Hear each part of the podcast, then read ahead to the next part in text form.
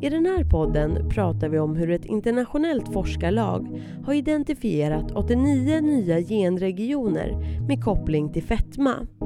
Det har man kunnat göra genom att undersöka sambanden mellan genregioner som har koppling till BMI eller en midjehöftkvot. Vi diskuterar med Erik Ingelsson som är professor vid institutionen för medicinska vetenskaper och Science for Life Laboratory vid Uppsala universitet. Jag heter Madeleine Nilsson. Välkommen till Vakano. Vakano är en informations och utbildningsportal inom vård, omsorg och hälsa med vårdpoddar. Det är en jättestor studie eh, som vi har gjort tillsammans med många grupper över hela världen. Det är en studie som det är en sorts studiedesign som kallas Genome-Wide Association Study. Och eh, det, med det menar man att man tittar Eh, över hela människans genom eh, och så, så tittar man på variabla punkter i det genomet eh, och hur de är associerade till en viss egenskap, i det här fallet BMI eller midjeomfång, midjehöftkvot egentligen. Eh, om man ska förklara lite mer hur en sån där genome-wide association study går till så är det ju så att man, man ärver eh, varia variationer i, i genom genen, i, ja, i bokstavskoden egentligen. Eh, och eh, det totala antalet DNA-baspar, alltså bokstäver då i DNA-koden, det är totalt 3 miljarder ungefär. Eh, och då är det så att på miljontals platser i eh, DNA-uppsättningen så finns det då en variation. Det vill säga alla människor har inte exakt samma bokstav på den platsen. Eh, och det här är någonting då som man ärver från sina föräldrar. Ehm, så det är medfödda, eh, eller man ska säga, eller nedärvda genvariationer. Till skillnad från om man tänker cancer så, så är det liksom en mutation som kan uppträda i en cell under livstiden. Så det här är saker man får med sig från sina föräldrar. Så då tittar vi på sambandet då mellan den typen av, av variation i genuppsättningen eller DNA-koden och sambanden mellan sådana variationer och olika typer av utfall som då till exempel i det här fallet BMI och midjehöftkvoten. Eh, så det vi gjorde då var att vi gjorde sådana eh, undersökningar i massor med individer eh, och sen så slår man ihop alla de data i någonting som kallas en metaanalys. Så i det här fallet så har vi då studerat upp till 300, nästan 340 000 individer som vi hade DNA från. Och, eh, och tittar då på de här eh, alla varianterna. Eh, specifikt så tittar vi på upp mot runt 2 miljoner sådana varianter och så, så tittar vi då på hur de kopplar till BMI eller MI höftkvot. Så det är väl lite grann om, om, grunden hur man gör en sån studie. Sen eh, det vi hittar då är eh, ganska många varianter. Så att eh, i det här fallet 97 stycken olika regioner i, i genomet som är kopplade till Body Mass Index, BMI, och 49 som är kopplade till midjehöftkvot som justeras för BMI. Eh, och ehm, det är då unika ställen ehm, i, i eh, genuppsättningen. De svarar mot någon gen men det är inte alltid att säkert att vi vet exakt vilken gen det är utan det är en region och i den regionen kan det ligga några stycken gener. Så man kan inte alltid helt säkert säga vilken av generna det är utan det måste man gå vidare med i andra typer av studier. Och vad är skillnaden mellan BMI och midje-höftkvotgenerna ni har hittat? Ja, eh, det tycker jag är ett av de mest intressanta fynden vi gör de här två studier. Det är två studier som båda publicerades i Nature tidigare i år i samma, eh, på samma, under samma vecka.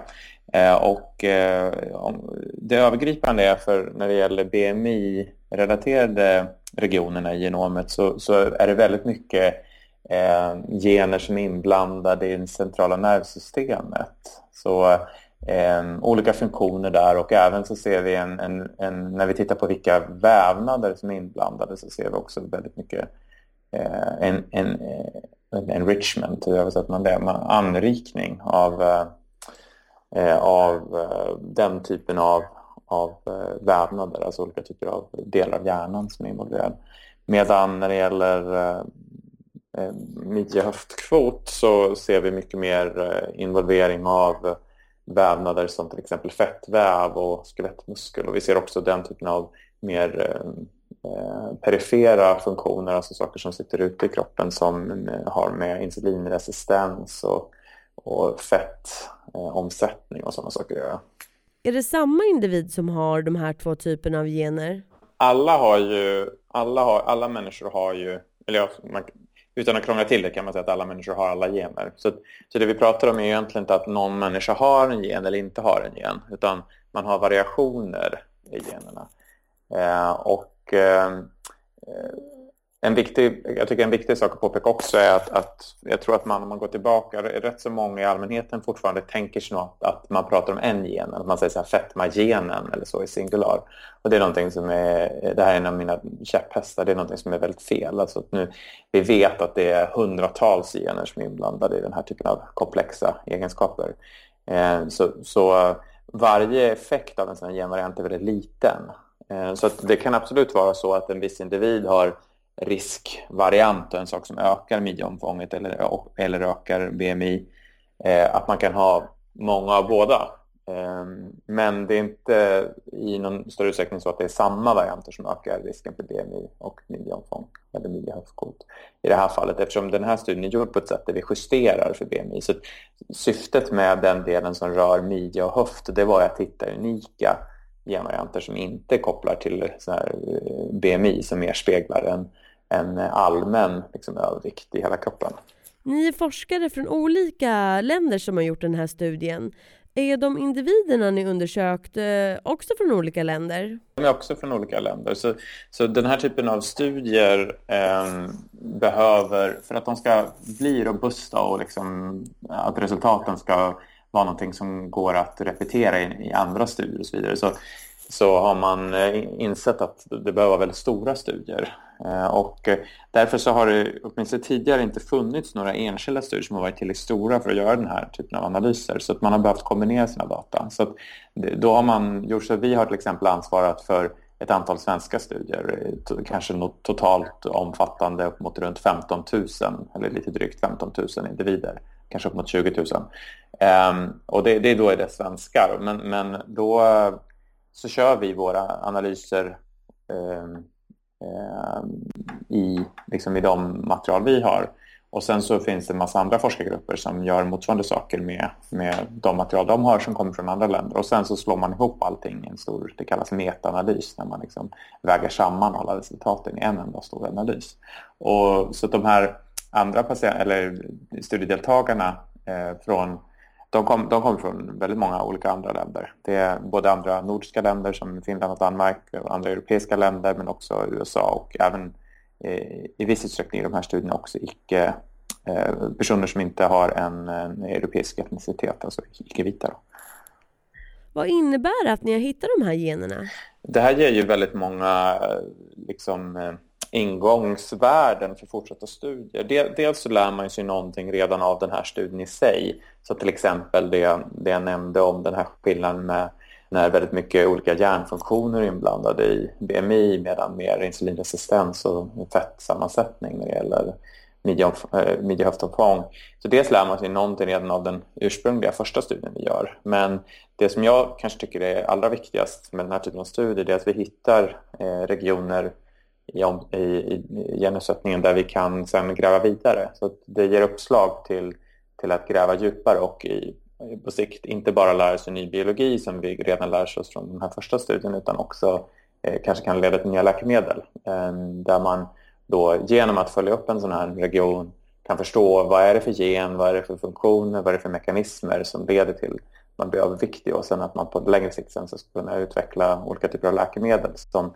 som inte då egentligen ändrar människans eh, genuppsättning. Det är inte genterapi jag pratar om utan det handlar om att försöka påverka det proteinet som genen eh, kodar för så att man ska kunna blockera det. Liksom. Och hur skulle man kunna göra det?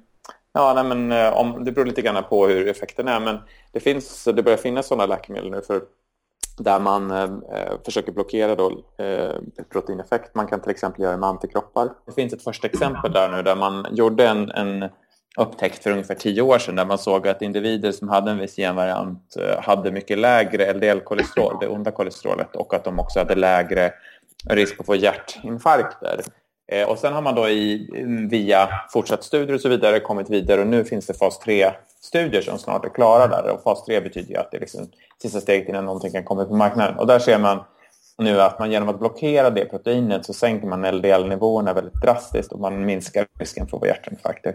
Så det är ett första exempel på, en, på ett läkemedel som har kommit av genetiska studier och det tog ungefär tio år.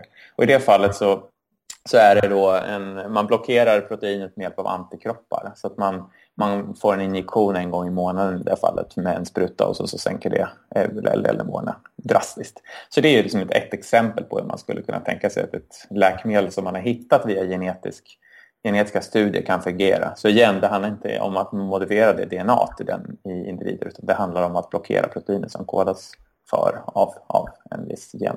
Är det då meningen med studien att man ska kunna se i vilken mängd man ska utveckla sådana här mediciner eller vad är meningen med studien? Huvudsyftet med en sån här, stor, med den här typen av studie det är att lära sig mer om biologin och genetiken. Man vill försöka förstå eh, vilka gener som påverkar risken för att få eh, för att bli överviktig och fet. Eh, sen, men sen är det såklart att, att lång, långsiktiga mål som kan ligga bakom den här typen av studier det handlar om sådana saker som att som att försöka hitta nya mekanismer och ny biologi som kan leda till läkemedel. Det handlar också om att i viss utsträckning den här typen av studier kan förbättra hur man diagnostiserar eller förutser risk för sjukdomar. Eh, just när det gäller fetma så på ett sätt kanske det är lite mindre viktigt eftersom det kan man ju mäta lätt med BMI men för vissa andra typer av sjukdomar eh, som till exempel hjärtinfarkter som jag också forskar mycket om då vill man ju försöka förutsäga risken för att man, för att man ska drabbas av en hjärtinfarkt innan man har fått den så att säga.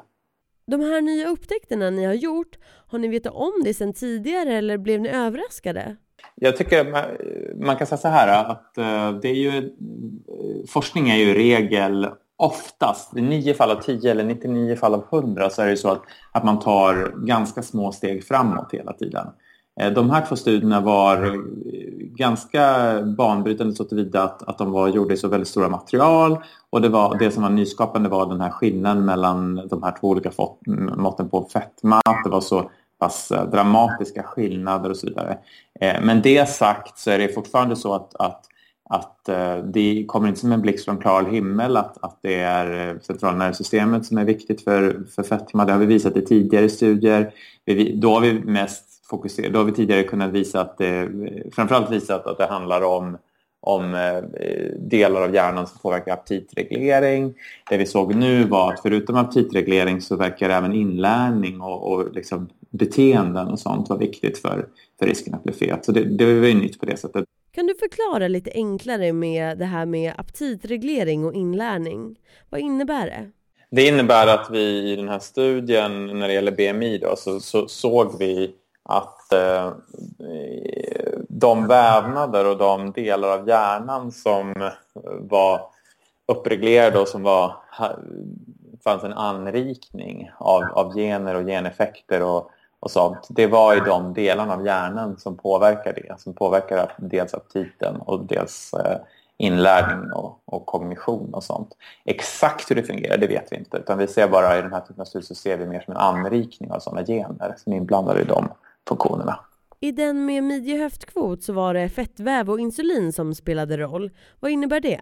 Ja, det innebär att, att, igen, att vi ser en sån anrikning då av, av, uh, av gener och av uh, genuttryck och sådana saker som har, som har en stor effekt på fettväv och på, på hur kroppen svarar på insulin och den typen av saker. Så samma sak där, vi kan inte i nuläget säga exakt liksom, hur, hur de mekanismerna går till vi har fått en massa ledtrådar. Vi vet nu en massa regioner i gen genomet och, och, eh, det finns nu grupper, bland annat min egen grupp, som jobbar vidare med den typen av saker. Så vi ha, ha, håller nu på med några av de mest spännande regionerna och, och går vidare med funktionella studier där vi kan eh, studera till exempel i cellförsök och sånt genom att slå ut den igen och se effekten då på fettceller och så vidare. Men det är alltså med medicin man kan reglera det här? För man kan ju inte förändra generna utan förhindra att de utvecklar sig, eller vad skulle du säga? Ja, eh, precis. Inte utvecklar men uttrycker sig kan man säga. Så det går ju till så att man har en gen och sen, och sen så kodar den för något som heter RNA som i sin tur eh, skapar ett protein. Så, så sluteffekten av en gen är ett protein och proteinet är det som har en effekt i, i kroppen. Så att det, det är protein, oftast proteinet man försöker kontrollera. Man kan även eh, blockera RNA, då, så nästa steg. Men man, eh, man är i regel inte intresserad av att försöka påverka DNA-koden för att de, de försök som har gjorts med den typen av studier med gen, så kallad genterapi har varit lite problematiska. Man ser att det ökar risken för andra, andra saker. Så, så att man, man försöker i regel behandla liksom själva proteinet. Men sen ska jag väl lägga till att när, när du frågar om vad är liksom vägen framåt och hur ska man behandla om man, om man är av fetma och så vidare. Det är inte så att, att de sakerna vi hittar nu förändrar det faktum att det bästa sättet att försöka behandla fetma är att man försöker gå ner i vikt via eh, miljöfaktorer. Alltså att man försöker äta mindre energität kost, att man försöker röra på sig mer. Det gäller fortfarande, det är inte någonting som är nytt med det här. Men för en hel del människor så är det svårt att lyckas med det. Eh, och eh, det är där som olika typer av läkemedel kan komma in. Eh, det är även där som det kan finnas en viss, ett visst intresse för genetiska tester också. För det kan ju vara så att individer har olika svårt för att gå ner i vikt och det kan ju vara så att det är vissa typer av, av viktnedgångssätt som är det som är mest verksamma för vissa personer. Tror du att det finns en fara med att en sån här studie läses av eh, vad ska man säga, vanliga människor som säger jaha, fetma ligger i generna och då är det ingenting jag kan göra åt?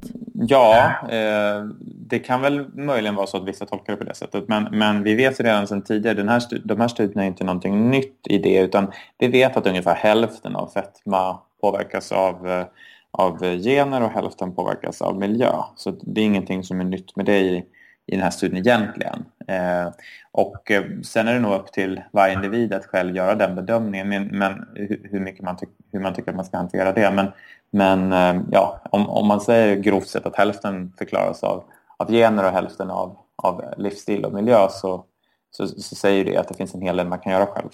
Kan man hitta ännu fler sådana här genregioner i framtiden? Ja, det tror jag absolut. Ja, det, är en, eh, det är en funktion av hur stor studie man genomför, skulle jag vilja hävda. Så vi har inte sett slutet på det här, eh, utan nu i nuläget så hittade vi som sagt 97 för BMI och 49 för midje höftkvot. Eh, men eh, all, alla tecken och det vi ser i de studier vi gör tyder på att, att det finns ännu fler regioner. Hur, exakt hur många det, det vet vi inte men för, om man tar för en, en närliggande egenskap längd som, som är i och för sig då lite mer ärftlig, det är 80 procents ärftlighet där ungefär. Där ser där har vi redan hittat 400, drygt 420 regioner. Ehm, så, att, eh, så där är det inte något stopp än i alla fall. Så att, eh, min, min gissning är att det finns hundratals regioner som påverkar risken för, för, för fetma och att varje sån gen har en väldigt liten effekt. Så att eh, de samverkar med varandra och skapar då. Så att en person som, som har en hög genetisk risk det betyder ofta att man har många, många små effekter som adderas ihop en av de viktigaste budskapen eh, tycker jag till allmänheten det handlar om det här med att det är många, många gener med små effekter. Att eh, det, det, man ska inte prata om fetmagenen i singularis utan att eh, det vi har lärt oss av de senaste fem årens genetiska studier är att det är många gener som har en liten effekt varje. I den här podden har vi pratat med Erik Ingelsson som är en av dem som gjort studien som funnit 89 nya genregioner med koppling till fetma. Vi har pratat om att studien kan leda till en ny förståelse för hur fetma ska kunna förebyggas och vad denna upptäckt egentligen betyder.